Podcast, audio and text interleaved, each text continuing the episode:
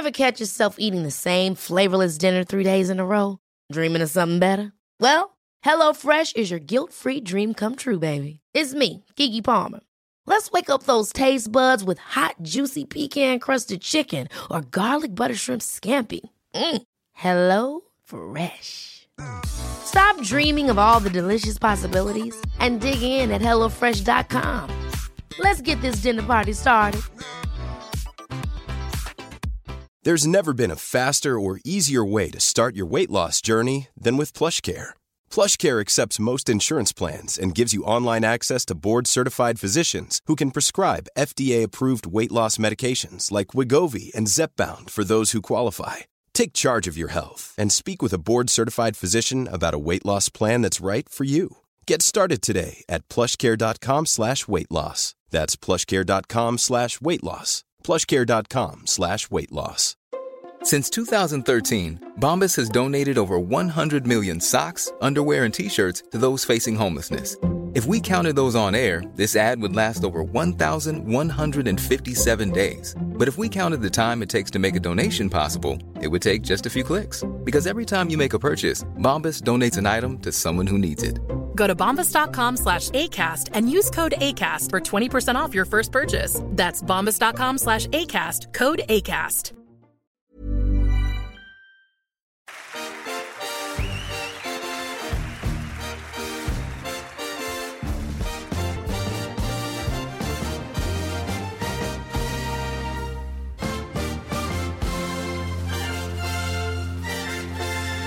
Du lyssnar på Fotboll är fotboll och eh, för första gången är det jag som får leda detta avsnitt. Eh, dessvärre kom Jonny inte loss så att eh, då är det jag.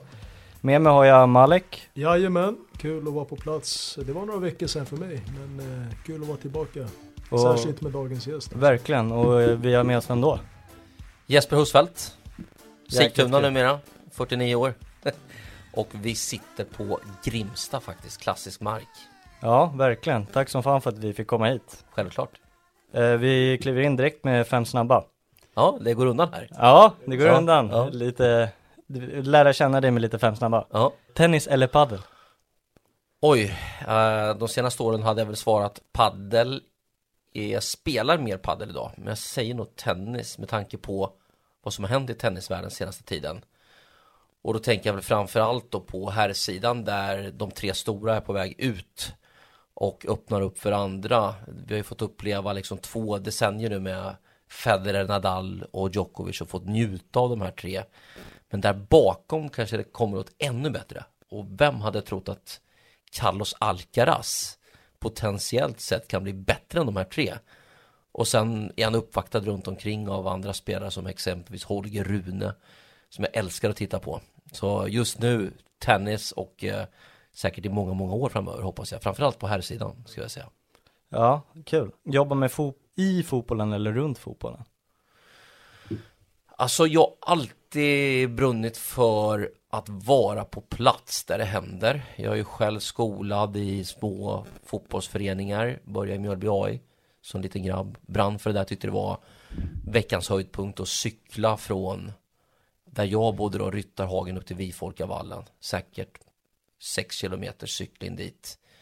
Träna med de här eh, kompisarna som man fick och, och lämna skolvardagen liksom och hamna i en fotbollsmiljö, det tyckte jag var fantastiskt. Så jag har nog alltid brunnit för att komma nära fotbollen och samma sak när jag jobbade på Kanal Plus en gång i tiden så upplevde jag att jag bottnade inte riktigt. Jag ville bli nummer ett i allt jag gjorde och bottnade inte riktigt i de ämnen vi diskuterade ibland och flyttade därför till Italien och bodde där under två år för att komma närmare fotbollen och då fick jag liksom se alla innan dömen på de här klassiska anläggningarna. Nu är vi inne på Grimsta IP. Också som sagt klassisk mark. Jag brukar kalla det för Lilla Mello. Ja, okej. Men- Röd och svart också. Exakt. Men så har man ju varit på det riktiga Milanello och gått runt där och druckit kaffe, en enkel espresso. Och runt omkring så har Paolo Maldini svassat och Kaká och Massimo Ambrosini och Carlo Ancelotti, Gennaro Gattuso, Clarence Seedorf, Alessandro Nesta, Nelson Dida. Som att det var liksom vilken dag som helst, eller Andrea Pirlo. Så man har ju fått uppleva häftiga grejer på Ja. plats. Verkligen. Och det var väl därför jag började egentligen med, det här med fotbollskommentering och sådär. Att liksom få känna, smaka och kanske dofta på fotboll. Häftigt. Favorit-VM? 1986 så är man ju så påverkningsbar som 12-årig pojke så att alla intryck blir så starka och det blir aldrig så starkt som när man är i den åldern. Jag tror många upplever också som barn idag att vi som fick uppleva, det här brukar jag tjata om Diego Armando Maradona, han gjorde väl fem mål och fem ass tror jag, eller något i den stilen i det VMet.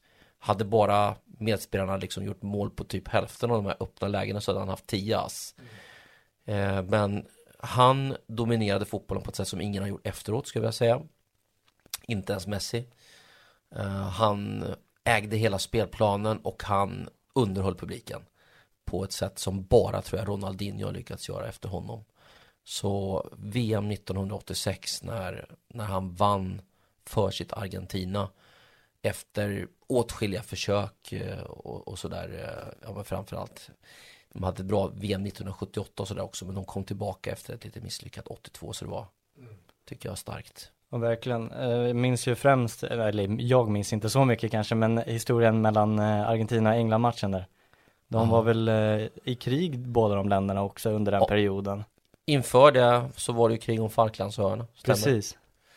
Eh, väldigt, väldigt spänt mellan de där nationerna generellt sett. Och sen så var det ju då, för, förutom Guds hand då, som man kanske inte upptäckte direkt när man såg matchen, så har jag fått höra faktiskt sista veckorna, jag har glömt det, jag har aldrig hört det tidigare, att Maradonas drömmål, det mest omtalade i fotbollshistorien, mest mytomspunna, är ett självmål. Ja. Så det, Det måste jag kolla upp, Ja, jag har inte kikat. Den så här som påminner om Messis. Ja, eh, exakt. Ja. Ja, eller tvärtom. Ja, exakt. Ja, Nej, tvärtom skulle jag säga. Ja, nej okej, det måste jag faktiskt också kolla upp för Det måste vi jag, kika. jag, jag minns inte heller att det skulle vara ett självmål. nej, tänk om det är så. Nej, det, det är nästan hemskt att tänka på Ja. att det skulle vara ett självmål. Eh, vi går vidare på nästa och då är det lite roligt också. Vilket är ditt pinsammaste ögonblick? Oj, många pinsamma ögonblick, alltså som kommentator då och så eller? Eh, kör generellt. Du kan ta som kommentator och generellt. Alltså kommentator så minns jag i alla fall att jag tilldelades någon stormatch mot Nederländerna hemma.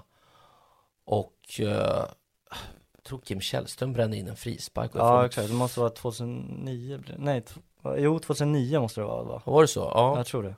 Och eh, jag öser på där eh, och börjar svamla om eh, vad klockan var eller vilken dag det var. Allting blev åt helvete fel. och jag hade liksom inte självsäkerhet att ta mig ur det där och skratta åt det, för det kanske är det bästa man kan göra. Glöm det där, som Lasse Granqvist hade sagt, utan fan det blev bara så jävla pinsamt alltihop. Så de fick klippa bort det där svamlet ur referatet i efterhand. Det finns säkert någonstans. Men det är Måste vi hitta nästan. iskallt, uselt. Ja, det är, det är hemskt att lyssna på. Nej, men det var pinsamt. Men eh, det är klart man har varit med om mycket pinsamheter genom åren. Pinsammaste i livet vet jag faktiskt inte riktigt sådär rakt av. Men ur yrkeslivet, det var, den kom Ja. upp fort. ja, det var ett bra svar faktiskt. Eh, för eller emot VAR i Sverige? Självklart för. Mm. Eh, tycker det är så märkligt när man har den här tekniken tillgänglig. Eh, jag menar inom tennisen var det ju fantastiskt när eh, den tekniken fanns tillgänglig. När man kunde se att en boll var inne eller ute. Hawkeye. Ja, exakt. Hawkeye, exakt. Och idag så är det ju inga protester längre. Det är ju fantastiskt att det bara blipar till. Och sen har man ju lagt till till och med ljud då. Mm. där man kanske hör en manlig eller kvinnlig domare lite beroende på linje. Som skriker fault eller out. Så det är ju för jag, jag, för jag ser inte framför mig att ä, även om en supporter då säger att ja, jag är emot VAR i en helt avgörande match, nu är ju varje match helt avgörande, men i den 30 omgången åker man ut på en tre meters offside, mm vilket man kan göra idag, eller på en hand som inte var en hands, eller torskar ett SM-guld på det. Just där och då tror jag ingen tycker att det är värt att vara utan tekniken. Tekniken är till för att det ska bli så rätt som möjligt. Sen tror jag, brukar tänka så här ibland, härligt att få jubla två gånger när det har blivit mål. Mm. Ja, det är faktiskt en bra poäng. eh, För många klagar ju på att det tar lite för lång tid eh, vid målfirande. Men man är fan lika glad andra gången som Ja. det första. Ja men det är en, en ganska bra poäng. Eh, jag tänker också så här, nu såg vi ju Roma-Sevilla här med Hansen tänker jag på, Mm. då är det ju ett problem med VAR också att man inte fångar upp den Hansen heller. Det blir också att eh, om man ändå ska missa det med VAR liksom, varför ska man ha VAR i Sverige då? Mm. VAR eh, är ju en teknik som fil- finns tillgänglig för att minimera misstagen och som kommer bli bättre och bättre ju mer den tillämpas. Både för domare, för eh, de i varummet och även publiken tror jag kommer känna att det är en, en övergångsperiod när man lär sig hur, hur man ska tillämpa VAR. Och då, då finns det alltid spädbarnssjukdomar. Och det tror jag vi ser idag. Men det finns ju statistik som visar att med VAR så är, blir någonstans i regionen 98-99% kanske mer av domsluten korrekta. Eh, och det är det tycker jag vi är ute efter. Sen att man pratar om publikupplevelse som jag sa då, tycker jag att det är ganska häftigt. Jag ju minns när jag tittar på Manchester City som har gjort några mål i Champions League och man har jublat. De har fått målen bortdömda, slogs ut av Tottenham Ja, för någon konstig hands.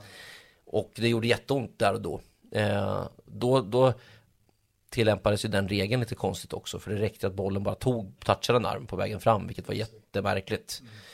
Eh, men då tyckte jag också att det var liksom, är, är det så att, att, eh, att eh, det skett en förseelse på vägen fram till mål och man, man hittar den så då tycker jag att man ska använda VAR, absolut. Absolut. Eh, Min, min stånd, om jag får ge min ståndpunkt till VAR då, så eh, jag, jag skulle säga att jag är emot den och det är främst för egentligen att jag är, jag är ganska emot den moderna fotbollen faktiskt. Jag eh, tycker faktiskt att fotboll ska spelas som den egentligen alltid har gjort. Eh, Med, I med mitt sina tycke. brister.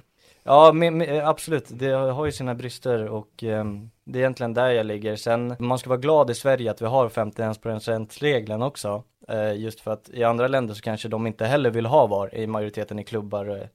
Eh, eh, men de blir helt överkörda av ägare som vill ha det och sådär. Och då kanske inte, jag tycker att man ska ta det för givet att bara för att Sverige är ensam utan VAR, att all, om alla andra länder hade haft 51%-regeln så kanske det inte bara hade varit Sverige.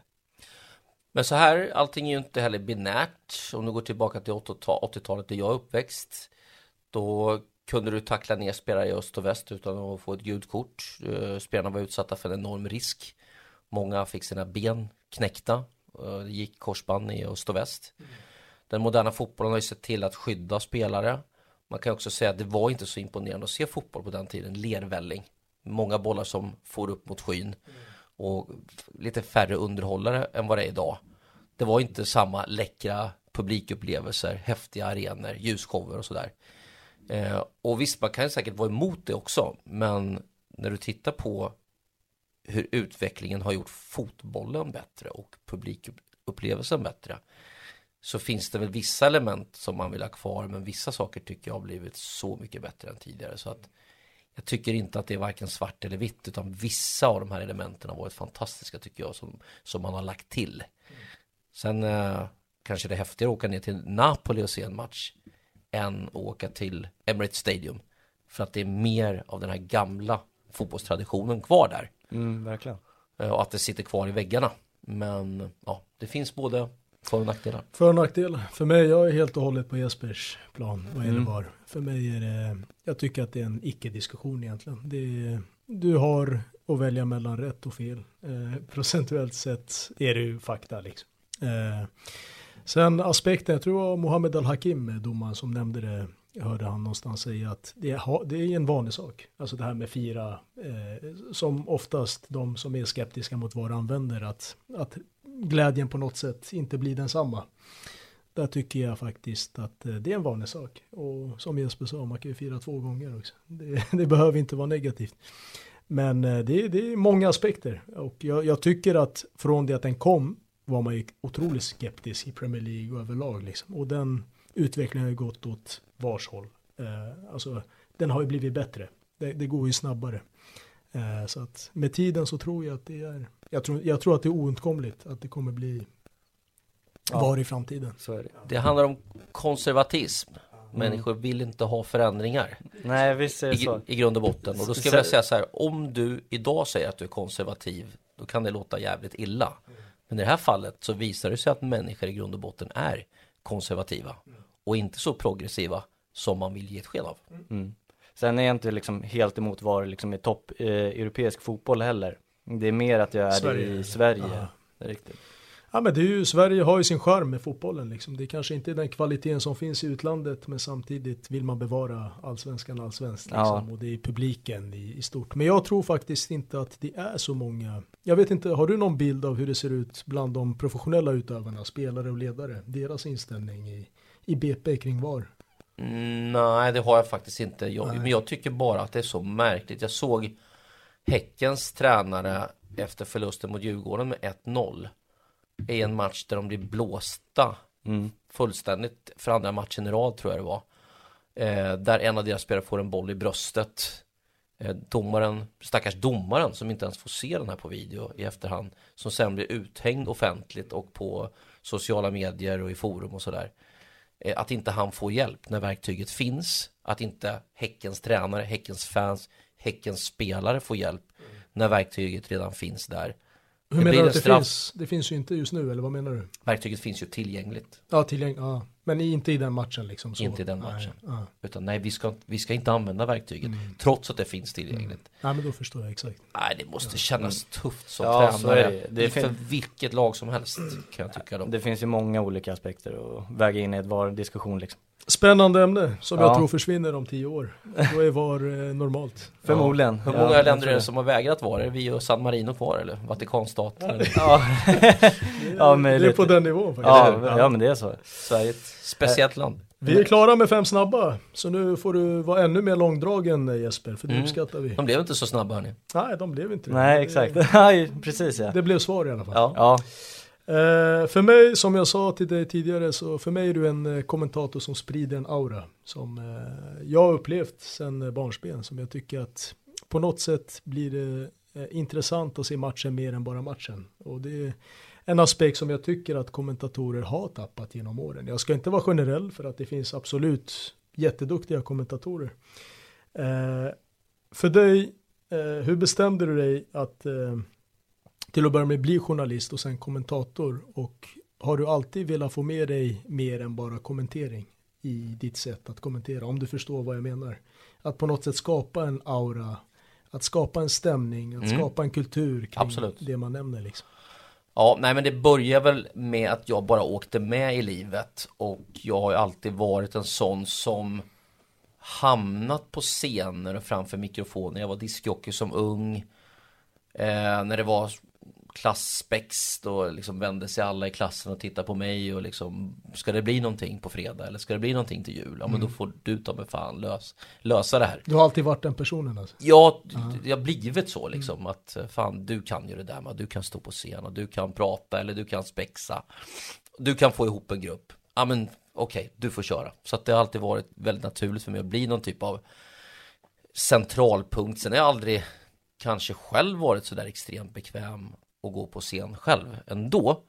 Ja, det har funnits en skräck inför det och jag har inte njutit som många andra människor av att vara på scen. Så att tidigt när jag gick gymnasiet tänkte jag radio skulle vara lagom för mig. Så slipper jag vara i bild, för det var liksom ingenting som jag, jag var inte ute efter varken att synas eller något kändisskap, men jag tyckte det var jävligt kul med att kunna göra saker med, med rösten och som du säger driva känslomässigt sin passion eh, med rösten. Det är ju mest för att skapa ett engagemang för det man jobbar med. Och det är också ett, en respekt tycker jag till matchen och gentemot lyssnaren och sådär att man att man bryr sig och att man gör det optimalt att, att man hittar en, en pitch, en balans som passar stunden. För du kan inte skrika dig igenom en fotbollsmatch utan du kanske bygger upp den som du gör med, med klassisk musik att det börjar med ett väldigt lugnt, dovt, tungt parti där man liksom beskriver förutsättningarna och sen bygger man upp det här till en stor show. Så absolut, jag när jag började på 90-talet så var det ju så att jag i alla aspekter ville se till att vara nummer ett i branschen. Jag ville vara mest påläst, jag ville jobba hårdast, jag ville se till att resa mest för att ta reda på mest de flest ligor, länder, spelare, presidenter, klubbar. Eh, jag tror Erik Niva och Simon Bank hade någon liknande ambition fast skrivande journalister. Den hade väl jag då kanske i tv kan man säga. Men, men så här, alltså min ambitionsnivå har varit extremt hög i alla fall i branschen. Men det handlar väl om att jag vill vara sån i nästan allt det jag gör liksom. Jag vill kunna göra det optimalt så bra som möjligt och ta ut nya svängar, testa nya saker och sådär och det blev likadant i kommenteringen. Sen fanns det ju i min bransch andra jobb än bara ren kommentering. Att leda program och lite annat. Att få resa och göra matcher på plats och sådär. Eh, som lockade mig väldigt mycket. Men jag tror mer att det har blivit så i mitt liv att jag har bara åkt med i de här svängarna. Och livet har tagit mig dit jag är idag. Jag kunde ha blivit något helt annat när jag var discjockey. liksom. Det, det kunde blivit musik i P3 eller Los Angeles eller you name it. Jag vet inte, jag bara åker med. Ja. Men på, på, på, ett sätt, du nämner det här med förberedelse och lägga ner timmar och liksom höga ambitioner att bli bäst och så vidare. Jag tror att många har den inställningen som kanske inte blir lika framgångsrika, duktiga kommentatorer. Eh, det ska ju också finnas någon form av spontanitet, någonting med känslan att det på riktigt ska kännas liksom i hjärtat. Kunde det vara så i början när du började? Om du nämner lite din första alltså tillfälle när du blev kommentator där, hur såg det ut? Förstår du frågan? Alltså har man tid med när det bara är kunskap och förberedelse och samtidigt få in den här känslan till matchen? Var det en utmaning i början eller liksom har det suttit sen, sen start? Nej men för alla tror jag att det handlar om att hitta en trygghet, en bottenplatta som du utgår ifrån. Så att eh, det bästa tror jag när man börjar som kommentator är att hitta den i sig själv och sitt sätt att kommentera. Utifrån den kan du sen blomstra så att säga, ta ut svängarna lite. Men jag skulle vilja säga så här, jag kan vara lite hård om jag säger det, men för min egen del, jag är inte säker på att jag var bra nog för att få chansen från början. Men jag fick det. Och sen har jag utifrån det utvecklat mig då som kommentator. Jag upplever inte att så många jobbar så hårt med förberedelser. Okay. Eh, jag sitter och lyssnar på matcher och hör inte många som kan ge mer till matchen än det senaste vad det gäller, ja men ni vet, match stats och sådär. Jag skulle vilja ha mycket, mycket mer background på spelare och sådär. Eh, svårt att liksom nämna någon rakt av som har den här stora floran av information som exempelvis de här journalisterna som jag nämnde tidigare som är skribenter då har. Så där skulle jag gärna, jag tror också tyvärr det har blivit lättare idag att bli kommentator för att det är så många matcher som görs. Eh, och att i och med att du har en sån bredd idag och det är så lätt att komma in och det är så många matcher som ska kommenteras så tror jag att det är lättare att bli kvar om man gör ett okej okay jobb. Eh, det var svårare för 20 år sedan och att det krävdes mer. Och av den typen av stolthet och respekt för yrket som det var när jag kom in finns inte kvar på samma sätt idag heller. När det gäller liksom hur du vårdar din röst, hur du vårdar ditt språk, dina uttal och så vidare. Eh, jag tycker att man ska försöka vara så bra man bara kan i de aspekterna också. Och att det inte är lika viktigt idag, att det har blivit liksom lite uttunnat. Och då vill jag säga det utan att låta som en bitter, bitter gammal farbror, utan det är snarare liksom att man kanske hyllar då många av dem från back in the day, liksom att man någonstans för 20 år sedan tog ett större jobb när det gäller matchförberedelser och sådär. Det upplever jag. Ja, jag förstår vad du menar. Hur förberedd var du inför din första match och hur tyckte du att det gick? Ja, det var hemskt. Minns du den matchen? Alltså min första match på Eurosport minns jag. Eh, min första match på lokal-tv när det gäller fotboll, det var Åtvidaberg LFF. Och då skrev lokala eh, Ljungskile va? Eller LFF, vad är det? Eh, Linköpings FF. Linköping. Okay.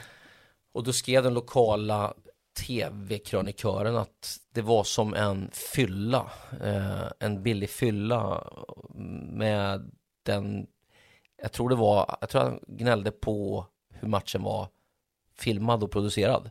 Men han kapade mig fullständigt som kommentator också. Eh, det här måste ha varit 93, 94 någon gång. Och den första matchen jag gjorde som stor match på Eurosport, det var USA mot El Salvador. Som sagt, inte alls säker på att jag förtjänar att få göra de här matcherna. Men jag kom in med en liten fot. Och det gick inte att ta reda på så mycket på den tiden. Internet var inte så utbyggt heller. Men då var det en spelare som heter Cienfuegos. Eh, är det hundra eldar eller? På spanska? Jag, Uff, jag är inte bra på spanska. Är det tusen? Ja. Nej men i alla fall, han, han eh, skulle vara en enormt skicklig frisparksläggare och sån här klassisk nummer 10. Det var det enda jag kunde få fram. Så jag varnade för honom i så här början av matchen. Och så blev det ju frisparksläge efter 10 minuter i matchen och då varnade jag för El Salvadors nummer 10, Cienfuegos. Det här, det här är drömläge. Och Cienfuegos springer fram, klipper till bollen och träffar ribba, ribba ner och ut. Så här jättefrispark utifrån. Och då kände jag, fan, nu släpper alltså, jag kan det här. Men fram till dess var det så att jag nästan ville återvända in på toan typ och spy av nervositet.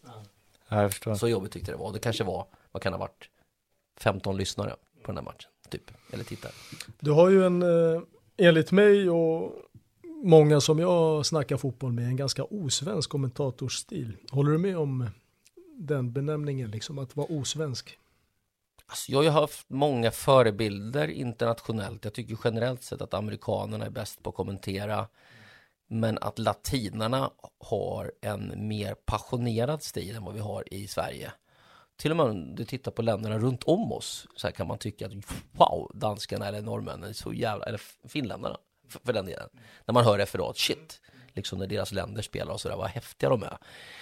Och lite så är väl jag som person, alltså passionerad och eh, ville också, ja men liksom av respekt gentemot alla som finns där runt omkring, som älskar sina lag, också kunna få dem att känna matchen, inte bara höra, utan känna någonting mer. Så när läget kommer och det blir sådana här situationer som du beskriver då, där man kan bli lite eldigare, då ska det vara ett naturligt sätt att, att eh, kommentera matchen och på ett tilltalande sätt kunna skapa den här känslan.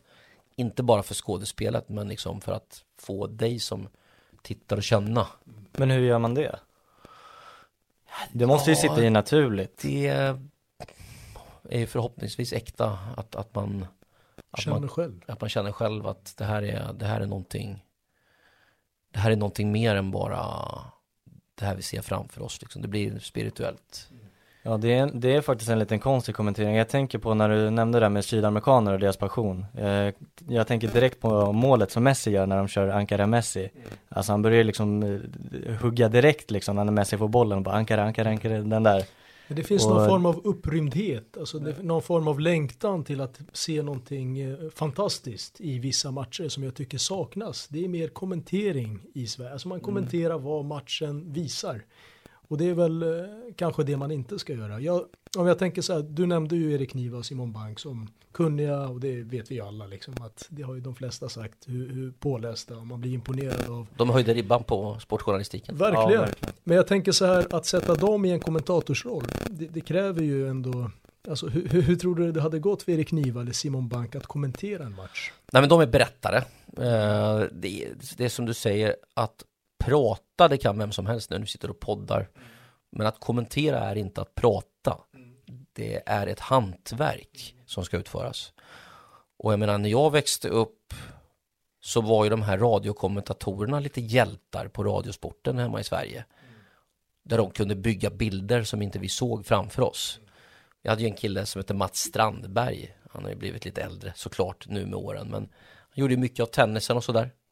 Eh, Mats Strandberg, eh, svensken servar mot backhandrutan. Något i den där stilen. Mm. Eh, Stefan Edberg leder i första set. Eh, och det är 40-15. Eller något sånt där. Det, och då servar man ju inte mot backhandrutan, då blir det mot forehandrutan. Men eh, jag tyckte att Strandberg och hans kompisar på den tiden kunde liksom bygga upp sport på ett fantastiskt sätt. Och de hade väldigt många skickliga kommentatorer på radiosporten. Som gjorde att man blev så hänförd så man, liksom kunde, man kunde inte lämna radion. Så jag, de, de är några av dem som jag ser upp till och som kunde skapa det här lite spirituella som ni är ute efter. Och det behöver man inte göra genom att gapa och gorma utan man bygger en stämning som du Bygger en säger. En, stämning. en förväntan kanske Men också någonting liksom melodiskt i rösten. Att rösten på något sätt inte bara ska ta slut efter en avslutad mening. Nej. Att det finns, om ni... Man kan åka känn, med, ja. Känn, ja, man åker med. Och det är liksom, där märker jag ju, om vi tar Hafid Daraji som är en av Algeriets största kommentatorer som nu har gjort. Jag vet inte om ni känner igen honom. Eh, nej. Men han är en av Bein Sports liksom kvar som har varit stor nu över och får kommentera de största matcherna och så. Han har ju det är ju en 10-15 matchsituationer som man minns för evigt. Det har blivit citat. Det är liksom när Riyad Mahrez ska borra in en frispark mot Nigeria. Det är hatta för Golia Riyad, hatta för Golia Riyad. Och det, han, han gråter ju. Mm. På slutet liksom. Och då man känner ju han lever sig in Mm. på ett sätt som är som har gjort han så stor som han är liksom. Att han, eh, och det är melodiskt och ibland kan han börja sjunga på match. Alltså det känns Mm. väldigt så här eh, fritt och sen behöver inte alla vara så. Men på något sätt så finns det en krydda som gör fotbollen till någon form av teater som jag verkligen uppskattar. Vi har ju jantelagen i Sverige som gör att vi ska inte stå ut. Jag menar, tittar du på alla unika fotbollsspelare så har alla sin egen spelstil eller varje musikartist eh, har sin egen genre och liksom sitt eget sätt att stå ut. Men egentligen i mitt jobb så ska du ju liksom, blir man tillsagd då? Så nej, nej men lite som Sväva inte iväg för mycket Husfeldt. Nej, men lite som svensk tror jag i de flesta jobb att du ska in i ledet, du ska inte vara för mer än andra. Jag tror att landet är uppbyggt så i generationer genom socialismen. Och eh, då tror jag inte man liksom på samma sätt eh, kan eh, sväva ut som din algeriske favvo. Utan man får hålla sig inom ramarna. Och jag kanske har stretchat dem lite, jag och Niklas Holmgren och några till. Kanske det kommer någon ny sen som sjunger. Jag säger inte att de inte decennium. har passerat gränsen, de här kommentatorerna. För det fanns någon sekvens där när de filmade in en vacker kvinna i publiken. Ja. Och då började han, oh, Ja. att han började ge ifrån sig läten som var tagna inifrån. Du vet. Så Ja. det, det finns ju såklart gränser. Det är lite Och skillnad på de breddgraderna. Det är lite skillnad, det är inte lika mycket jante. Nej. Men du Jesper, nu sitter vi här på Grimsby IP. Ja. Nu måste vi börja prata Brommapojkarna. Ja, vad kul. Vad är det som händer? Ja, eh, det kan man ju undra om man tittar på tabellen och senast i förmiddag så ser jag att vi är, vi då BP är bättre än vad exempelvis Östersund var vid samma tidpunkt när de gick upp 2016. Och eh, jag upplevde att liksom hela fotbollssverige öppnade ögonen och tänkte helvete, här kommer något helt nytt med Graham Potter.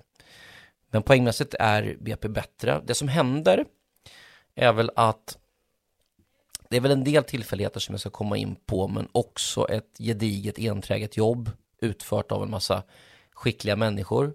Först då Kissen och Kitten som var med och byggde det här laget. Kissen som sportchef, Peter Kisvalodi, Kitten som tränare, division 1. Men där Andreas Engelmark har haft en väldigt, väldigt stor och betydande roll hela vägen från ettan. Eh, han har gått under radarn. Han är inte en av de mest kända, men han har visat här i BP att han är en skicklig assisterande och skicklig huvudtränare. Ja, vi har haft med honom i podden innan så att han Ni är, vet. Mm, vi vet. Eh, och han har varit runt i världen, han har varit i USA, han har varit i Italien, han har lärt sig en del av fotbollens mysterier. Eh, och eh, han är väl den här nya skolan, skulle man kunna säga, tränare som, som är så taktiskt bevandrad och skicklig och gillar liksom att lösa fotbollens mysterier. Eh, det är ju en del av det. Sen byter BP organisation för något år sedan. Peter Kleve kommer in, Filip Berglund kommer in sent på hösten som sportchef. Peter Kleve har en enorm tro på det han gör. Eh, Filip Berglund likadan. Extremt skicklig sportchef. Kan hitta spelare för billiga pengar som han scoutat upp genom sina system. Och genom att matcha de här systemen i datorerna och sen visuellt låta det okulära ögat se, liksom, är det här den kvaliteten som de här siffrorna skvallrar om? Och så hittar han Alexander Jensen för några hundratusen som idag skulle jag säga kanske är värd 8 miljoner och Ja, kanske på väg eh, uppåt. Absolut. Ja, han, är, han förstår jag inte hur man hittar. Andra divisionen i danska ligan. Jajamän. Ja, det är ja. Men Men- för, för att vara helt ärlig Jesper, när Ja. du, du, var, du var ju på plats när de här värvningarna började trilla Mm. in, när tappen var med Ode Falk och Lukas och sådär. Mm. Helt ärligt nu, Mm. när du såg Kalisir, Fritzson, Jensen, i stunden, Mm. fanns det ändå ett tvivel eller kände du redan då att mm, vi vet vad vi håller på med? Eh, jag fick förklarat för mig att de här herrarna som jag nämner plus Olof Mellberg visste vad de höll på med. Det fanns en inre tro här i, i, in, i de här, eh, innanför de här väggarna där jag i princip rätt tidigt förstod att det skulle ta ett gäng matcher att sätta det låga försvarsspelet Det andra fanns på plats. Det lät när man pratade med dem liksom uh, så här mellan raderna som att våra spelare var kraftigt undervärderade. Men att sätta det här spelsättet var liksom det viktigaste och när det väl sitter, Mellberg var rätt övertygad om att det skulle göra det, Engelmark också, ja, då, då blir det åka av. Det var ungefär så det lät. Så du påverkades mer av det du fick höra här än vad omgivningen och media tyckte? Ja, men vissa spelare kan man säga, så av de du nämner har väl jag kanske en bättre erfarenhet av än dig eh, eller andra. Så som du lägger upp bollen för mig. Jag såg ju Kallisid i Göteborg eh, då han var lite av min favoritspelare, lite som quarterback där. Kanske inte den snabbaste men otroligt klok och en brutal passningsfot. Styrde mycket av spelet där och även i J Södra. Så den värvningen var när han kom in sent tänkte jag wow shit att vi, att vi kan värva en så bra etablerad spelare. Som är så omtyckt också vet jag av andra spelare. Eh, där Filip Berg också är väldigt noggrann med rätt karaktär. Sen kollar du på resten så här, ja men Ackerman då, ja, men var tvungen att kolla med Berglund. Så här, hur har det gått för honom egentligen? Han var ju stekhet i Häcken och Fiorentina Mm, ville honom. Och... Ja det är så tråkigt det som händer där med hjärtat. Hjärtat, ja. ja. precis. Nej det är sjukt sorgligt. Men nu är han i BP i alla fall. Ah, fan, nu ser man ju vad som finns där. Ja. För varje match som går ser man ju, en startspelare vi har värvat. Som är på väg uppåt i karriären. Och det här, det här är ju inte liksom slumpvärvningar, de sitter ju inte och pekar på ett namn. Utan de jobbar ju genuint genomgående exakt med vad de vill få ut av de här spelarna. Lite det jag fått förklarat för mig. Ludvig Fritzson gillar jag från dag ett. Jag sa faktiskt till en av våra sponsorer att jag tror Ludde gör åtta mål i Allsvenskan, han bara garvar. Nu har han sänkt två då, genom Nicken senast. Så att det är sex kvar. Men det är väl en spelare som, som nästan alla allsvenska lag skulle må bra av att ha. Jag tycker han är väldigt lugn, fina fötter, extremt bra på huvudet. En sån där jävel som går hårt in i alla dueller och offrar sig själv och för laget. Smart, klok, också en sån som går under radarn som kan komma lite billigare än vad, i och med att han inte skär rubrikerna. Men liksom spelare för spelare, det är väl några så här, det som hände tror jag, om jag ska dra det, den långa historien då, var ju att man sökte och sökte under försäsongen, att man var rätt lugn med att förlora i Svenska Cupen. För att det här skulle komma över tid. Norrköpingsmatchen berättar de för mig, då kan du kika. Det är så vi kommer se ut. There's never been a faster or easier way to start your weight loss journey than with PlushCare. PlushCare accepts most insurance plans and gives you online access to board-certified physicians who can prescribe FDA-approved weight loss medications like Wigovi and Zepbound for those who qualify.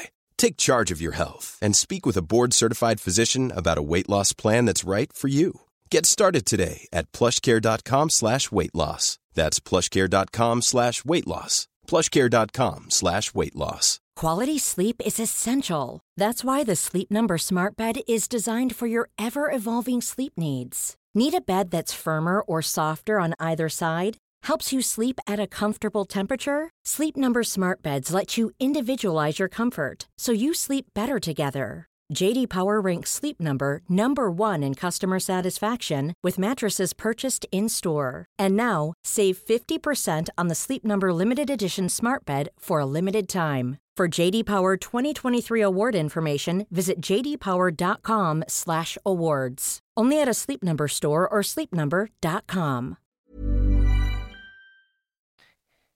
Den matchen vann BP övertygande. Sen börjar serien och då ser man i första matchen att försvarsspelet blev alldeles för lågt i första. Första halvlek eh, får ett något offside-mål mot oss. Kanske Första matchen i serien var mot Djurgården. Djurgården. Tele2. Eh, eventuellt andra också. Ett offside-mål var i alla fall i första halvlek. Men laget satte inte försvarsspelet. Det fanns en nervositet där också. Sen redan i andra matchen så ser man ju liksom att nu, nu är vi tillbaka till Norrköpingsformen igen. Malmö var här. BP var klart bättre. Jag håller med, verkligen. Ja, och skulle ha vunnit den här matchen. Ja det tycker jag också. Leder 1-0, Vasic igenom, ska sätta den där, lobbar över målvakten, bollen går i insidan av stolpen. Så där, där ska ju Malmö åka hem med noll poäng. Sen tredje matchen så blir det ju någon typ av kollaps. Eh, Elfsborg spelar väldigt rakt och BP inte alls med på sto- stora noterna. siffror va? Ja 5-0, 6-1. 5-0, Vart det 5-0? Ja, 5-0. 6-1. Men det, 5-0. det är det här jag, för att utmana dig lite. Mm. Okej, vi tror på det här. Vi har hört inom klubben att det kommer gå, vi ser tendenser i Norrköpingsmatcher, tre förluster på raken. Mm, Det är för mig är det imponerande att Ja. lyckas vända. jag håller Alltså, med. För, för det, det, spelar ingen roll, i slutändan handlar det om poäng. AIK presterar bra men tar inga poäng mot vissa lag. Nej men vi såg ju i spelschemat att det kan ju vara noll. Eh, vi är förväntade att ta noll poäng efter de första tre. Så här liksom klubbledningen var ju rätt coola med det. Tränarna också rätt coola med det. Och spelarna också. Så att när Mjällby kom hit, då var det som att nu börjar allsvenskan. Ja, det var så i gruppen. Jag var nere och snackade med grabbarna och då var jag också lika sådär orolig när jag gick ner och snackade med Engelmark och dem. Hur, hur har laget tagit de här torskarna? Och fem i, i, i ryggen liksom. Men eh, Mellberg var revanschsugen, Engelmark var så här, ja, Mjällby låter som en överkomlig uppgift. Det här ska vi ta. Grabbarna mår bra, trivs ihop. Ett Mjällby som ändå var upphausat då. Det ja, var ju cupfinal och det var liksom, det. alltså det var inte liksom kom och möta ett bottengäng som Varberg är idag eller liknande liksom. Nej, det var en väldigt stark insats av BP. Ja. Men kolla så här, i Superettan förra året, jag förstår ändå inte hur svenska journalister har resonerat. När BP vinner övertygande den här serien, Halmstad har redan varit upp och vänt någon gång och åkt ur. Så att är det något av de lagen som ska tippas och hålla sig kvar så är det BP. Alltså det tänker jag bara. Eh, men vi blir sist i förhandstipsen, vilket gynnar liksom klubben och laget. Går helt under radarn, för att använda det uttrycket för 29 gången i programmet då. Men det var ju lite lyckosamt tror jag för, för alla inblandade att vi kanske inte blir så scoutade heller. Men sen är det inte så många som ni ser av de här värvningarna som gör att man kanske eh, höjer ögonbrynen heller. Eh, Oskar Linnér kanske var den hetaste värvningen och eh, han fick en ruskigt tuff start här med skadan och allt och har kanske inte kunnat återhämta sig och komma upp i full form. Men sen är ju resten en saga och eh, vi får väl se vart den slutar då men titta där spelare för spelare nu när det är liksom en tonåring i mål som är kanske allsvenskans största succé så här långt. Verkligen. En bredd i backlinjen, två yttrar som alla tänker Jesus Christ, vad är det här för någonting? En playmaker som står där och kanske är en av allsvenskans bästa. Och forwardsen som gör i princip det jobb som förväntas. Bara kort här i hyllningskören, för jag mm. måste lägga till den här också. Jag var ju tränare för två säsonger sedan i Assyriska ja. i division 1 och mötte BP. Ja. Det som slår mig är att Alltså, ni besegrade oss på Grimsta med 2-1, Assyriska FF som idag spelar division 2. Ja. Men det såg ut som det gör idag, mm. spelmässigt. Mm. Och det är liksom, det skiljer två divisioner. Och det är inte, det är de två svåraste divisionerna man har klättrat upp på. Och ändå för man matcher i allsvenskan. Är det inte ett underbetyg för motståndare eller har man inte kartlagt er på det sättet? Eller? Det... För att spelartyperna finns det ju starkare spelare. Om BP fick välja hela allsvenskan hade man kanske inte tagit alla BP-spelare om du förstår vad jag menar. Det var rätt. Så att är det liksom, hur kan det se ut så här i division 1? I superettan som man pulveriserar och sen fortsätta i allsvenskan? Ja, men ett par saker kan jag väl säga om det. Det första tycker jag är att det blir enklare att klubben har ett DNA som är så tydligt att alla ungdomsspelare vet ungefär eh, hur man spelar fotboll. Lagen organiseras liknande. Det är klart att man får väl kanske offra lite i den här klubben vad det gäller närkampsspel och vinna andra bollar och nickdueller och lite sånt. Eh, det är sånt du måste bli bättre på som senior sen.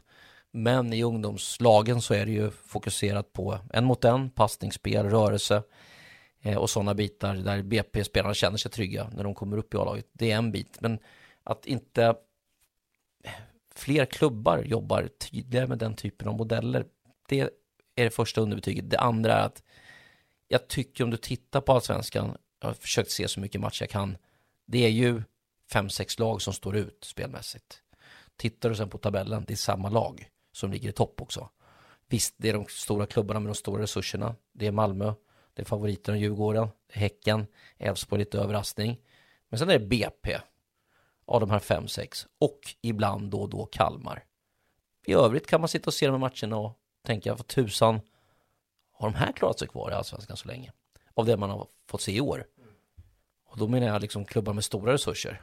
Nu har ju Hammarby, AIK och Göteborg inte fått ut allt ur sina lag och haft turbulent vad det gäller liksom som Hammarby då fått byta ut så många spelare på kort tid i sin trupp och sådär. Men eh, det är svårt att bli imponerad av många av de andra lagen i övrigt faktiskt så här långt. Ja, verkligen. I Hammarbys fall tycker jag också, jag är Hammarbyare, så att det, man har, det är där Kleve och båda Berglund kommer ifrån ju. Mm. Jag tror att det största med Hammarby är också att man har bytt ut så mycket i ledningen gällande, nu kommer Jesper Jansson sluta, Eh, Kindlund, ja det som hände med han. Eh, Jimmy Lidberg som var fystränare, alltså ingen av dem är kvar sedan 2019 som har styrt liksom Hammarby och det är där jag tror det är det största problemet med Hammarby är. Och det var välscoutat av BP att plocka in eh, Berglund och Kleve där. Ja, För att eh, jag vet vilket jobb de gör bakom kulisser. ja bra. Ja, Manfred Aronsson som fick in eh, Peter Kleve, våran ordförande där. Och Kleve som sen visste liksom från insidan vad Filip Berglund är för en filur. Och tog ett riktigt starkt kort där får man väl säga från Bayern då. Mm, ja verkligen. Nej, men det var ju ändå ett par, vad ska man säga, januari, december, alltså när man började spika truppen, ett par modiga beslut. Det var ju någon legend i klubben, våran gode vän Martin Falkeborn var inte helt nöjd med hur han, och på något sätt tänkte man att fan det här kommer de få äta upp, alltså eh, BP-ledningen liksom. Men jag tycker faktiskt nu med facit i hand får man ju bara säga att jävligt starkt att ta de modiga besluten Mm. och Och få ändå, tyck- effekt av det liksom. och ändå tycker de inte själva att de har fått ut riktigt det max av det här laget utan kanske ligger på 70-80 procent. Med det sagt så vet man inte om man får ut mer än så, men det finns mer i det här laget att ta ut. Såg lite av det mot Varberg hemma första halvlek. Det är liksom, där börjar man närma sig taket på vad laget kan prestera tycker jag. Men Sen- på något förlåt att jag avbryter. Mm. Hur går tankegången? Alltså är det så här vi tar en match i taget? Ja. Det är så. Nästa dag. Ja.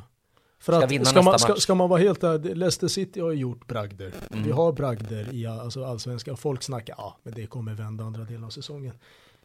Är det inte dags att kanske börja tro på det? Eller tycker du att det är rätt att bara snacka om nästa match, nästa match, en, ett steg i taget? Alltså, på något sätt få in den här vinnarkulturen i klubben. Att eh, vi, vi siktar högre. I och med att ni har sagt att ni har 70% som ni har fått ut hittills då. Säg så här, det skiljer väldigt mycket vad man kommunicerar utåt och vad man kommunicerar inåt. Jag tror när Olof står nu och förbereder grabbarna samtidigt som vi sitter här för träning, då ska han nå tre poäng på Tele2. Det finns inget annat som gäller. Jag tror inte de är nöjda med en pinne. Tittar man på oddsen får du fyra och en halv gånger pengarna på BP på den matchen. Det lägger jag ju nästan. 1,55 på Hammarby.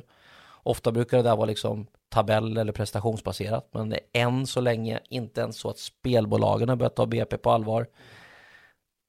Kanske inte tidningarna heller, kanske inte motståndarna, kanske inte motståndarpubliken, vad vet jag.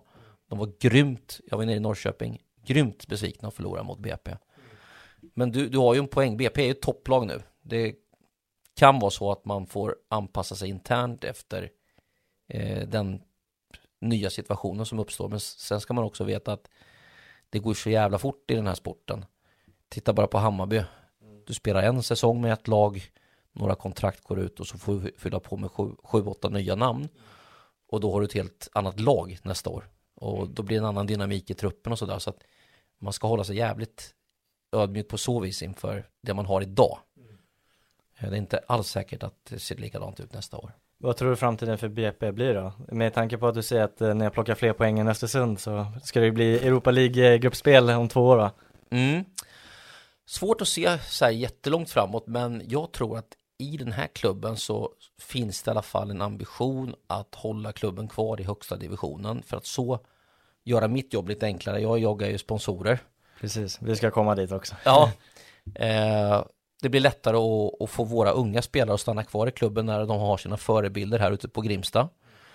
Eh, det blir lättare att locka bättre spelare efter några säsonger i Allsvenskan. Det blir kanske lättare att få lite fans och komma på matcherna. Det kanske till och med om två år, om jag får drömma lite, blir lättare att göra flytten till Tele2 och ha 5000 på läktaren istället för 1 500 här. Och jag menar, då är vi ju snart där Hammarby var för 20 år sedan. Eh, och någonstans börjar ju en resa tycker jag och den här resan med den här ledningen är ju helt ny. Det har funnits otroligt skickliga människor i BP fram till idag. Men den här ledningen har ju varit med på en resa i Hammarby tidigare. Jag tror inte de är helt oäven på att göra något liknande med BP. Och resurserna finns i klubben. Så får man drömma, det tycker jag, det är gratis, eller hur? Då är BP ett allsvenskt lag även 2025, 2026. Jag drömmer väl kanske inte om att det ska bli bättre än så på kort sikt. Men jag vet att man tittar med imponerade ögon på vad Häcken är idag och vad Häcken var för tio år sedan. Och de är ju svenska mästare. Mm. Men det är sportsligt och de målen tycker jag absolut ni ska ha och jag tror absolut att det skulle kunna infrias också. Men vad är det som gör att man inte riktigt eh, ser att BP kan växa vad gäller supporterskap? Alltså vad, I mitt huvud, det kommer en låsning när jag tänker supporter, hålla BP. Sen tänker man varför? Det är ju en Brommaklubb. Eh, på något sätt, ja, det finns andra stora klubbar i Stockholm, men varför får jag den här mentala låsningen? För jag är inte ensam om den. Om att, jag, jag ser inte framför mig en BP-klack, alltså en stor supporterskara som håller på Brommapojkarna. Varför Nej. är det så? Jag ser den Tror framför du mig. Ja. Ja, jag ser den framför mig, absolut. Du gör det? Ja, jag tror att där jag växte upp i min lilla klubb, jag älskar fortfarande Mjölby AI, då hade man en enorm stolthet för den första klubben man spelade i. Och det tycker jag varje individ bör känna, eh, även kidsen som är hos oss idag. Att visst, man kanske har en pappa som håller på ett större lag här och sådär, men den första tröjan man iklär sig, det, det är en stolthet som du ska bära livet ut. Och det tycker jag man måste, ja, måste, men det vore ju skönt om fler och fler skapar sig den känslan och att man tar med sig den längre i sitt liv och att man återvänder till, om det blir Grimsta eller Tele2 med den känslan. Det är klart att det går att bygga en passion runt den här klubben då också. Det som har varit eh, ända fram till 00-talet, det stora problemet för BP med att locka supportrar är eh, jojandet mellan allsvenskan och division 1.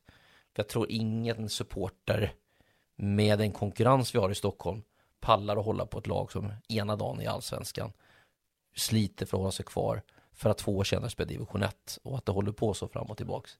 Det blir inte samma grej. Men vänta här, två, tre, fyra år om det här laget håller sig kvar, om de här människorna är kvar i klubben. Förstå mig rätt, jag säger inte att det inte kommer ske. Nej. Det, det är bara känslan fram Absolut. till idag och den kan man ju liksom inte, det är fakta. Ja, absolut. BP har ju, Det har du du har ju också många klubbar som har ramlat ner som Åtvidaberg som Ja. ettan som ändå bevarar Ja. en stomme vad gäller supportrar. Och där har det förmodligen gjorts misstag tidigare. Mm. Jag utesluter absolut inte att det sker i framtiden. Sen är det så här, det är inte klubbens uppgift att starta en fanclub. Utan det måste ju vara en rörelse som pågår parallellt med klubben. Vilka är de här första genierna? Nu är det några, vi har ju några supportrar. Men vilka är de här första genierna som liksom startar en egen klack? De kanske finns där ute. Ja, spännande. Ja. Eh, nu ska vi gå in på din partneransvariga roll där i BP. Ja, Hur fick du det jobbet? Som partneransvarig då? Ja, alltså jag har jobbat lite, eller jobbat, jag jobbar ju, det var ju gratis, men vi startade en fotbollsklubb för ett gäng år sedan som heter Andrea Doria Mm, i division 7. ja. Så vi gjorde en liten resa där upp till division 4 och då befann sig Peter Kleve i Täby. Då var det ju många så här fotbollsledare runt om på lägre nivå som kollade på oss och liksom Fan vad de där, de där är roliga liksom. De har sköna kläder och de kommer i- till match i kostym och de har en riktig hemsida och släpper matchtruppen kväll innan match och bra på sociala medier och ja, men liksom roligt gäng, till och med att, lite fans till slut, ett gäng som var och följde med oss. Så Peter Kleve då, som då var i Täby, han träffade jag för några år sedan. Eh, våra fruar är, är kompisar. Och vi har väl pratat en del, liksom fotboll och vad vi gjorde på den tiden. Och han slängde ut frågan här när den här tjänsten blev ledig i höstas. Så han sa att han trodde väl inte att jag skulle nappa på det då. Men just då hade jag ju inget att göra. Så att eh, jag funderar lite i november månad, liksom hemma. Eh, hade jag haft en massa andra uppdrag vet jag inte om jag hade tackat ja, men i och med att det var helt tomt i liksom, kalendern så fanns det ju bara en väg. Sen har man ju fått slita lite under vintern med att liksom förstå vad det här är, men ja, ju, ju närmare våren vi har kommit, ju roligare har det blivit. Och sen nu med framgångarna med laget så är det ju superkul att vara i den här positionen. Så är det ju. Men det överraskar mig att det inte fanns intresse för, alltså Jesper Husfeldt. I mina ögon har du liksom, jag undrade mig, alltså några år, man vet ju inte liksom vart ni tar vägen och så, men jag tänkte han har väl stora saker på gång som blomstrar ut. Men Ja. du säger alltså att du, det fanns inget på den tiden då? Nej, jag gjorde mina sista uppdrag på fyran sommaren 2021 och då gjorde jag EM för fyran. Idag är jag inte, som jag har förstått det, även när jag sökt, liksom, sökt mig till andra ställen så tittar man inte bara idag på erfarenhet och kompetens utan lite på andra bitar. Eh, och där passar inte jag in. Eh, sen vad de bitarna är, det får ni lista ut själva men Det ser vi ganska tydligt. Både Ja. Kompetensmässigt och åldersmässigt och könsmässigt och det finns många aspekter. Det finns många aspekter. Ja. Och, och förr i tiden när jag jobbade med det här, då tror jag att man mer tittade liksom på ah, Det är klart att man vill ha en åldersbalans, det tror jag man vill ha på många jobb. Men nu har det kommit in många andra variabler där man väljer de bitarna först. Och enligt de variablerna så åkte jag ut ur branschen. Jag kom inte in någonstans. Så att egentligen var det bara för mig att söka mig vidare i livet och hitta något annat. Intressant. Ja, verkligen. Ja, jag blir lite så här. För mig är det, men det är kanske från mitt eget perspektiv. Jag har sett dig som en av de stora kommentatorerna i Sverige. Så att det blir ju överraskande att det, att det är. Men man har ju blivit överraskad med fler namn än dig. Det är Ola Wenström som också Ja. ramlade ur. Fastän för mig var han liksom skälet till att se en Viasat-sändning. Eh, det finns många andra namn också. Men eh, ja, det är en utveckling som jag inte gillar. Det kan jag säga. Jag tackar för det. Jag tror för Ola var det väl en konflikt med Viasat som gjorde att han gick därifrån. Det Jo, fanns ja. ingen så stor konflikt egentligen tror jag. Mm. För mig. Men det kan ju vara så enkelt att man har en chef som inte uppskattar den på samma sätt som tidigare chefer har gjort. Och det kanske var så i mitt fall också. Eh, Eh, för annars hade han säkert sett till att jag var kvar. Exakt. Vi eh, diskuterar lite stort när det kommer till sportsändningar i Sverige eh, och eh, hur man lyfter. Vi har ju en stor spelare som har lagt skorna på hyllan, Zlatan Ibrahimovic och eh, från eget perspektiv när jag såg avtackningen av Zlatan så det börjar röra sig lite frågetecken i min hjärna. Varför lägger man inte fler timmar, fler eh, liksom, dokumentärer, liksom på något sätt bygga upp hans historia. Det här är en spelare som andra länder förknippar Sverige med. Eh, men generellt, varför bevakar man inte till exempel italienska ligan på plats? Eh, resurserna i de här stora sportsändningarna har minskat i kvalitet, anser jag och säkert många med mig. Vad tror du det beror på?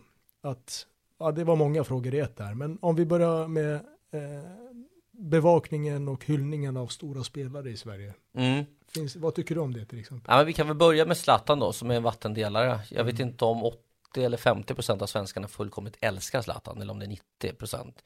Jag har svårt att, att liksom uppfatta men han har ju eh, med sitt sätt att vara blivit älskad i vissa läger och i andra läger blivit en sån man stör sig på. Och jag tror också att ser du till hans karaktär så har han nog liksom fått räkna med det lite själv, liksom, som han har varit. Du kan ju bara ta konflikten med Malmö FF, liksom. han, han har ju många gånger i sitt liv eh, hamnat i konflikter eh, på grund av den person som han är, om vi får säga så i det här fallet. Sen är han ju en enastående, vad ska vi säga, ja, oöverträffad idrottsman. En så jävla unik både karaktär och spelare. Så att eh, man kanske borde kunna se bort ifrån det. Men jag tror att båda delarna finns där. Det finns liksom i, i varje bostadsområde i Sverige. Det finns eh, på varje redaktion. De som både avgudar honom och som har lite svårt för honom. Så just i det här fallet, det är ju en del av svaret på den där frågan. Den andra delen som du nämner är ju liksom resurserna. Eh, professionalismen, var är professionalismen i det här? Jag vet inte hur mycket han har nämnts. Jag tycker att han har nämnts väldigt mycket överallt i stort sett. Så eh, jag, jag är inte benägen att hålla med om att han inte har fått mycket uppmärksamhet. Utan av, av det jag läser så är det väldigt mycket. Uppmärksamhetsmässigt, antalsmässigt, artiklar, ja. Men jag menar mer Resursmässigt. ja, med den här, på något sätt, hur man bemästrar att hylla en legend. Ja. Alltså det, det är det jag är ute efter. Ja. Inte mer alltså att det skrivs artiklar, det är Nej. oundvikligt. Ja, det ska ligga en dokumentär klar där på SVT i Lite princip. så. Ja. Mm. Sen men- kanske det var oväntat till och med för media. Ja. För Att han sa ju själv att inte ens hans familj visste. Så Nej. där kan man ju köpa lite i Men där kan man vara, ligga, ligga redo med någonting. Eh, nej men så, så är det väl lite så här att när vi växte upp då, då var det ju stort med Sportspegeln och eh, ni nämnde ju att ni satt och såg vårt lägereldsprogram Club Culture då en gång i tiden som lockade fler människor än själva matchen. Det är helt unikt faktiskt i Sportsverige någonsin har jag fått reda på under den här perioden vi sände det. En del såg studion och stängde av när det var Lazio Bologna. Jag liksom. var en av dem. riktigt. Så det är inte klokt. Ja. Ja, Alltså det- jag, jag det- var inte intresserad av matchen i sig, vissa matcher i alla Ja. fall. Sen, eh, men sändningarna var ju, det var ju Birro, det var du, Ja. Åslund och det var underhållning. Det fanns liksom mycket kunskap, alltså om ligan och man kände som att man Och lite skulle- bråkigt. Ja, Gnabbigt. Men det ska det ju vara. Ja. Det ska finnas lite Det saknar man i spänning. dagens ja. studios. Nej men så var det ju, jag vet i förorten att man eh, köpte hem pizza liksom lagom till det där och så tog man hem polarna eller släkten och så satt man och kika. Så det är häftigt. Så var det lite mer förr i tiden. Kostade det mycket då eller? Var det utg- alltså är det dyrt eller var, varför tar man bort ett sånt program? Nej, det var nog rättigheterna vi blev av med till slut, eh, tror jag. Serie A-rättigheterna dog. Men resurserna har blivit mindre. Rättigheterna är dyra fortfarande, enormt dyra. Jag fick reda på att Champions League-rättigheterna som Simor eller Telia köpte är dyrast per capita i hela Europa, kanske i hela världen. Sett till liksom, krona lagd per liksom, storlek på befolkning vi har i Sverige. Eh, det finns inte så mycket pengar sen för fotbolls-tv-redaktionerna i övrigt att göra sport som man gjorde för 5-10 år sedan.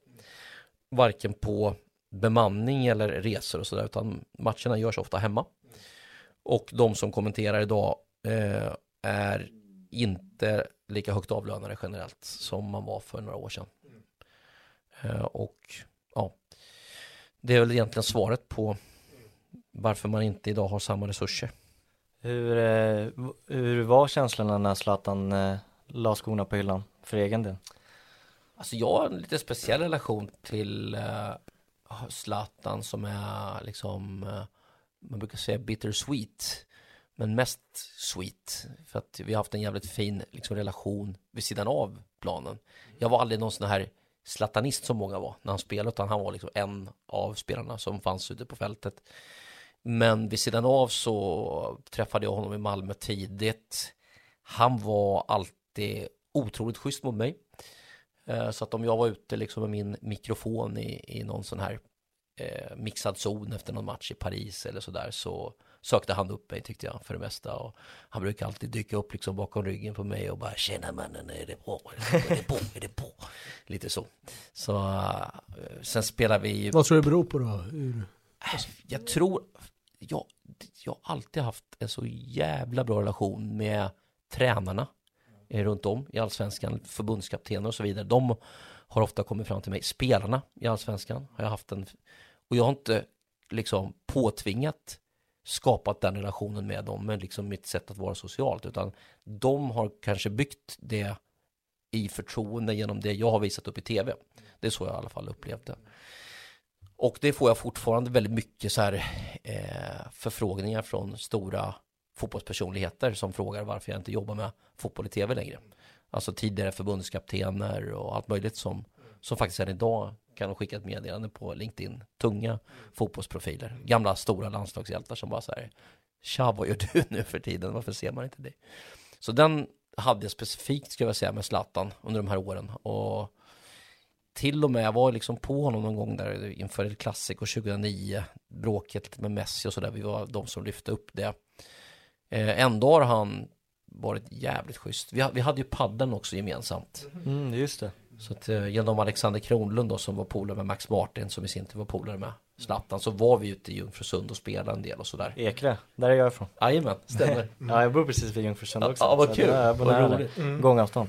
Ja, då kan du den där paddelanläggningen. Ja, den är fin. Men Ja. på något sätt förstår jag också den här bilden av att eh, du har ju en medvetet eller omedvetet väldigt sympatisk och du var precis som man trodde eh, om det. Det är första gången Ja, jag kul. träffar dig idag. Ja. Men jag, jag finner den här sympatiska, alltså du är vä- väldigt lik Rutan, alltså Ja. som person också. Och eh, bara det att du besvarar via liksom LinkedIn, en ganska okänd podd och sådär, tycker jag också adderar någonting i ditt sätt att vara som person. Alltså att du Ändå ganska, hade vi ett helvete att få till den här. vi, vi löste det till slut. vi löste det, jag åkte Jag, jag gillar att du röstade röstmeddelandefunktionen också, för den är ganska Ja, ovanlig. det stämmer. Och du som började där. Exakt. Ja. Men eh, så, så det förvånar mig inte att liksom många sportprofiler har den bilden av dig. Och eh, för mig är det en gåta att det inte uppskattas mer i Sverige. Ja, men kul. Jag, min, min känsla när han la var i alla fall att det var en, en varm känsla tyckte jag att liksom summera en så fin fotbollskarriär.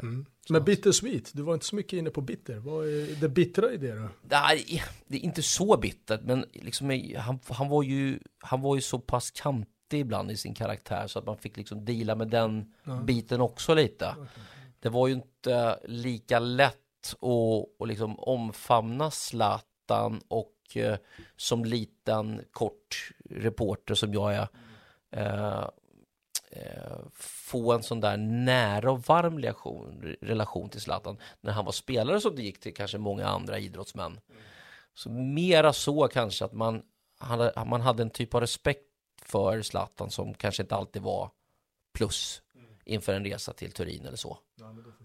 Så det skapar väl en sån känsla lite. Yes, vi håller på att avsluta eh, med varsin fråga här tänker jag. Så att eh, vi måste gå in lite på, eh, jag såg häromdagen att du nämnde någonting om Milan och Maldini. Mm. Ganska starka åsikter och det kom ju från klar himmel att Maldini fick lämna det.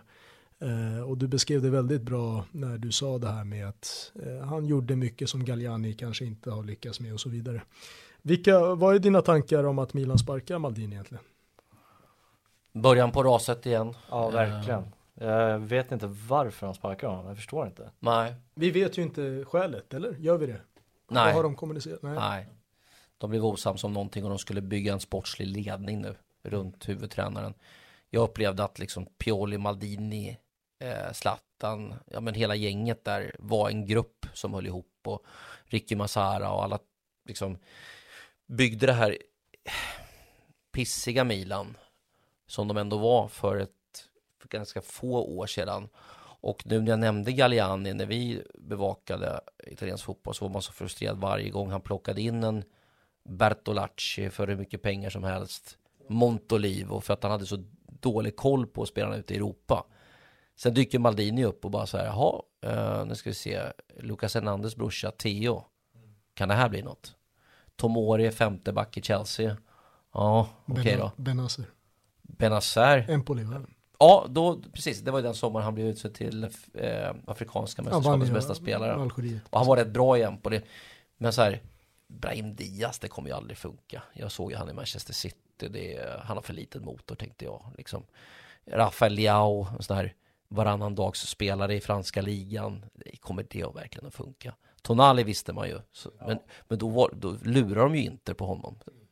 Eh, men liksom som han har byggt det här, wow, vilka spelare. Eh, Tror att eh, Milan inte riktigt förstår vad de har för juveler i Paolo Maldini. Inte bara att han är en stor capitano, utan det han har gjort för Kan klubben. det finnas någonting från Saudi? Någon som har kommit in och kanske vill ändra hela Jag klubbens kan riktning? det för lite, men det verkar nästan så. Det känns lite så. Ja. Mm. Sett till utvecklingen. Hur det är. Ja. Lite bara snabb eh, notis här också, måste höra din åsikt. N'Golo Kanté, Karim Benzema, Cristiano, många på väg till Saudi. Kort bara, vad, vad anser du om den utvecklingen? Jag är inte så politisk som många andra i de här frågorna. Eh, sporten måste få ha sin gilla gång. Du har livtoren där, golfen. Eh, lämnar vi fotbollen för en stund och bara pratar livtoren så är det så att golfen har kontrollerats av ett gäng länder i många år. USA har haft tre majors, Storbritannien, England, en. Resten av världen då, som vill se golf, om du tänker att brassarna vill se golf eller australierna eller sydkoreanerna eller japanerna eller kineserna på nära håll se sina stora hjältar, kanske araberna också, vad vet jag. Så har det varit omöjligt när det gäller de stora, stora tävlingarna. För det är PGA som har haft spelarna. Någon måste in och spräcka det där. Nu var det så i det här fallet då Saudiarabierna som hade tillräckligt mycket pengar för att spräcka USAs dominans. Och då är det alltid dem. Mycket tack vare, tycker jag, amerikansk media som sätter press på hela västvärldens media för att göra araberna till bad guys. Det fanns ju sponsorer även på PGA-touren som hade, ja, oljeinblandning som kanske inte var de fräschaste. Men det får du inte läsa så mycket om. Det, det lyfts inte upp. Nej, så jag kan tycka så här med livtouren, det rör om, det är fräscht. Fotbollen har jag satt mig in för lite. De här spelarna blir ju lite som Pelé och de här när de stack till Kosmos eller när spelare stack för att liksom avsluta sina karriärer bara i Saudiarabien. De är liksom over the hill. Det här är ju ett adjö till toppfotbollen. Det blir ju mer en show, ett sätt att avsluta sin karriär. De har man gjort i USA eller Turkiet tidigare. Eller Grekland. Ja, det är bara att vi diskuterade lite du och jag idag Lukas, att, att jag börjar se en utveckling av att från 36, 37, 35 till 33, 32, 31. Det är en Ballon d'Or-vinnare ändå som går dit. Mm. Den senaste. Ja. Så jag ser bara att det håller på att gå neråt i åldrar, alltså i liksom kvalitet och, och att man snart kanske hämtar en 22-23-årig toppspelare från Europa. Mm. Jag vet inte, det är bara spekulationer, men jag ser en sån riktning. En sån Jag utveckling. Ja. Vi får se. Ja, än så länge så är det bara ett eh, pensionärshem för de här herrarna. Om du får, eh, om du får gissa, vad tror du Maldini och Zlatan eh, gör i framtiden? Tror du de jobbar tillsammans? Ja, det är ingen dum gissning. Eh, Det har ju nämnts ett Monza-projekt, de är ju väldigt Ja. nära Galliani. Tror att det skulle behövas enormt mycket pengar i det här Monza-projektet för att både Maldini och Zlatan skulle vilja satsa på det. Men eh, det finns säkert en revanschlystnad hos de två. Sen då, s- du har ju en historik med Maldini som gör att han är så starkt bunden till Milan så att jag tror inte han vill liksom hämnas på de rödsvarta med sin pappa och farfar och sådär i klubben tidigare. Så det, det är jag väl osäker på. Men du är inne på något intressant, absolut. De gillar ju varann och Och har man tackat nej till Maldini och Zlatan själv, som Milan har gjort då, ja Zlatan vill ju lägga av liksom, men ändå att då kanske det inte är ett lika stort svek att gå till Monza, tänker jag. det stämmer. Ja. Ja, vi får se. Intressant. Eh, har du något mer Lukas? En sista, ja en sista fråga. Zlatan och Hammarby, vad tror du? Blir det någonting där då? Om det inte blir Monza? Jag tror man har utnyttjat han för lite.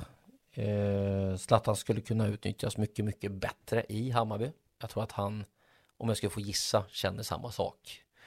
Eh, han blev ju delägare tack vare eller på grund av AIG. Eh, och eh, jag tror att han skulle kunna vara en stark resurs för Hammarby om man använder honom på rätt sätt. På ett annat sätt än vad man gör idag. Mm. Så vi får se om, om de lyckas göra det, absolut. Lite konstig på Insta där det stod välkommen, du är alltid välkommen till Årsta. Det är, Ja. liksom, det är väl givet att han är välkommen till Så Årsta. är det ju. Ja, Men eh, folk lite skäm- så här, jag tycker de har mer distans än vad de borde ha. Han är väl Ja, sån respekt för honom va? Ja. Ja, verkligen, jag håller med. Så är det. Eh, Jesper Husfeldt, stort tack för din medverkan.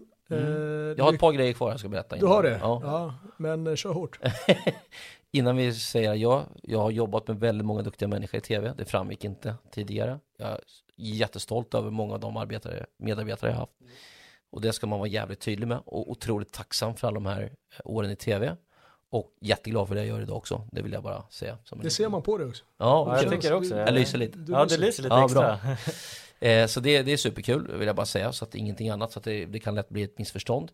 Och sen den andra grejen är att det jag glömde nämna när det gäller lagets framgång i BP. Ibland blir det så att magi uppstår utan att man har räknat med eller förstått vad som har hänt. Och i slutändan var det egentligen så här att våra tränare satt med den här gruppen, hade en massa förluster bakom sig, upptäckte att en trebackslinje skulle bli jävligt bra. Eh, och sen dess har Amadeus Sögaard blivit en helt annan spelare, en helt annan trygghet. Man vet inte att en 18-årig målvakt ska stå med fyra insläppta på åtta matcher, sex vinster på åtta, eh, tätaste försvaret i allsvenskan. Det vet man inte på förhand, så det kan inte jag eller någon annan komma och säga. Man vet inte att det ska finnas fem, sex försvarsspelare där du kan kasta in vem du vill i allsvenskan och det känns lika tryggt till och med en 18-årig Fredrik Nissen. Så det säger också att det visste ingen här heller. Du vet inte att du kan ha två wings som vaker och den här dansken som ser ut att vara födda i den här rollen. Eh, du vet inte att Leach Holm ska kunna vad ska vi säga, dominera som man gör eh, som playmaker i Allsvenskan. Det du vet kanske det är att de här forwardsen var bra nog i Superettan. De kommer nog klara allsvensk nivå.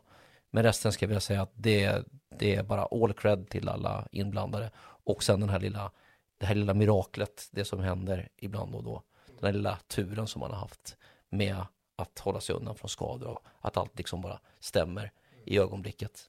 Så det ska man vara jävligt tacksam för och också vara down to earth tycker jag.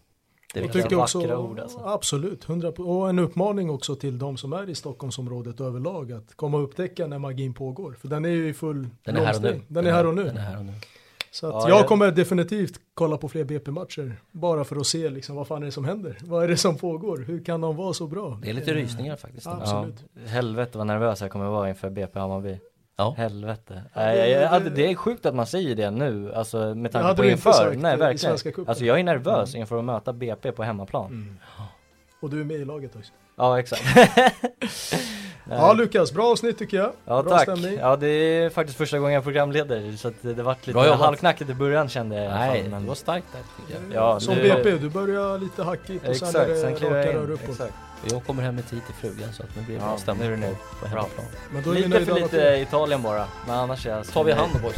Ja, Stort tack Jesper stort tack, Jesper för och lycka tiden. till med allt. Ha det bra alla andra. Ha det bra. Tja. Tja.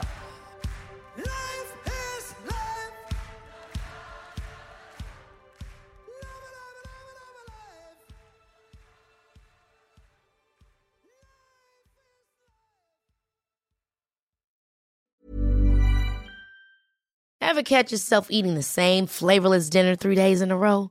Dreaming of something better? Well, HelloFresh is your guilt-free dream come true, baby. It's me, Gigi Palmer. Let's wake up those taste buds with hot, juicy pecan-crusted chicken or garlic butter shrimp scampi. Mm. Hello Fresh. Stop dreaming of all the delicious possibilities and dig in at HelloFresh.com. Let's get this dinner party started.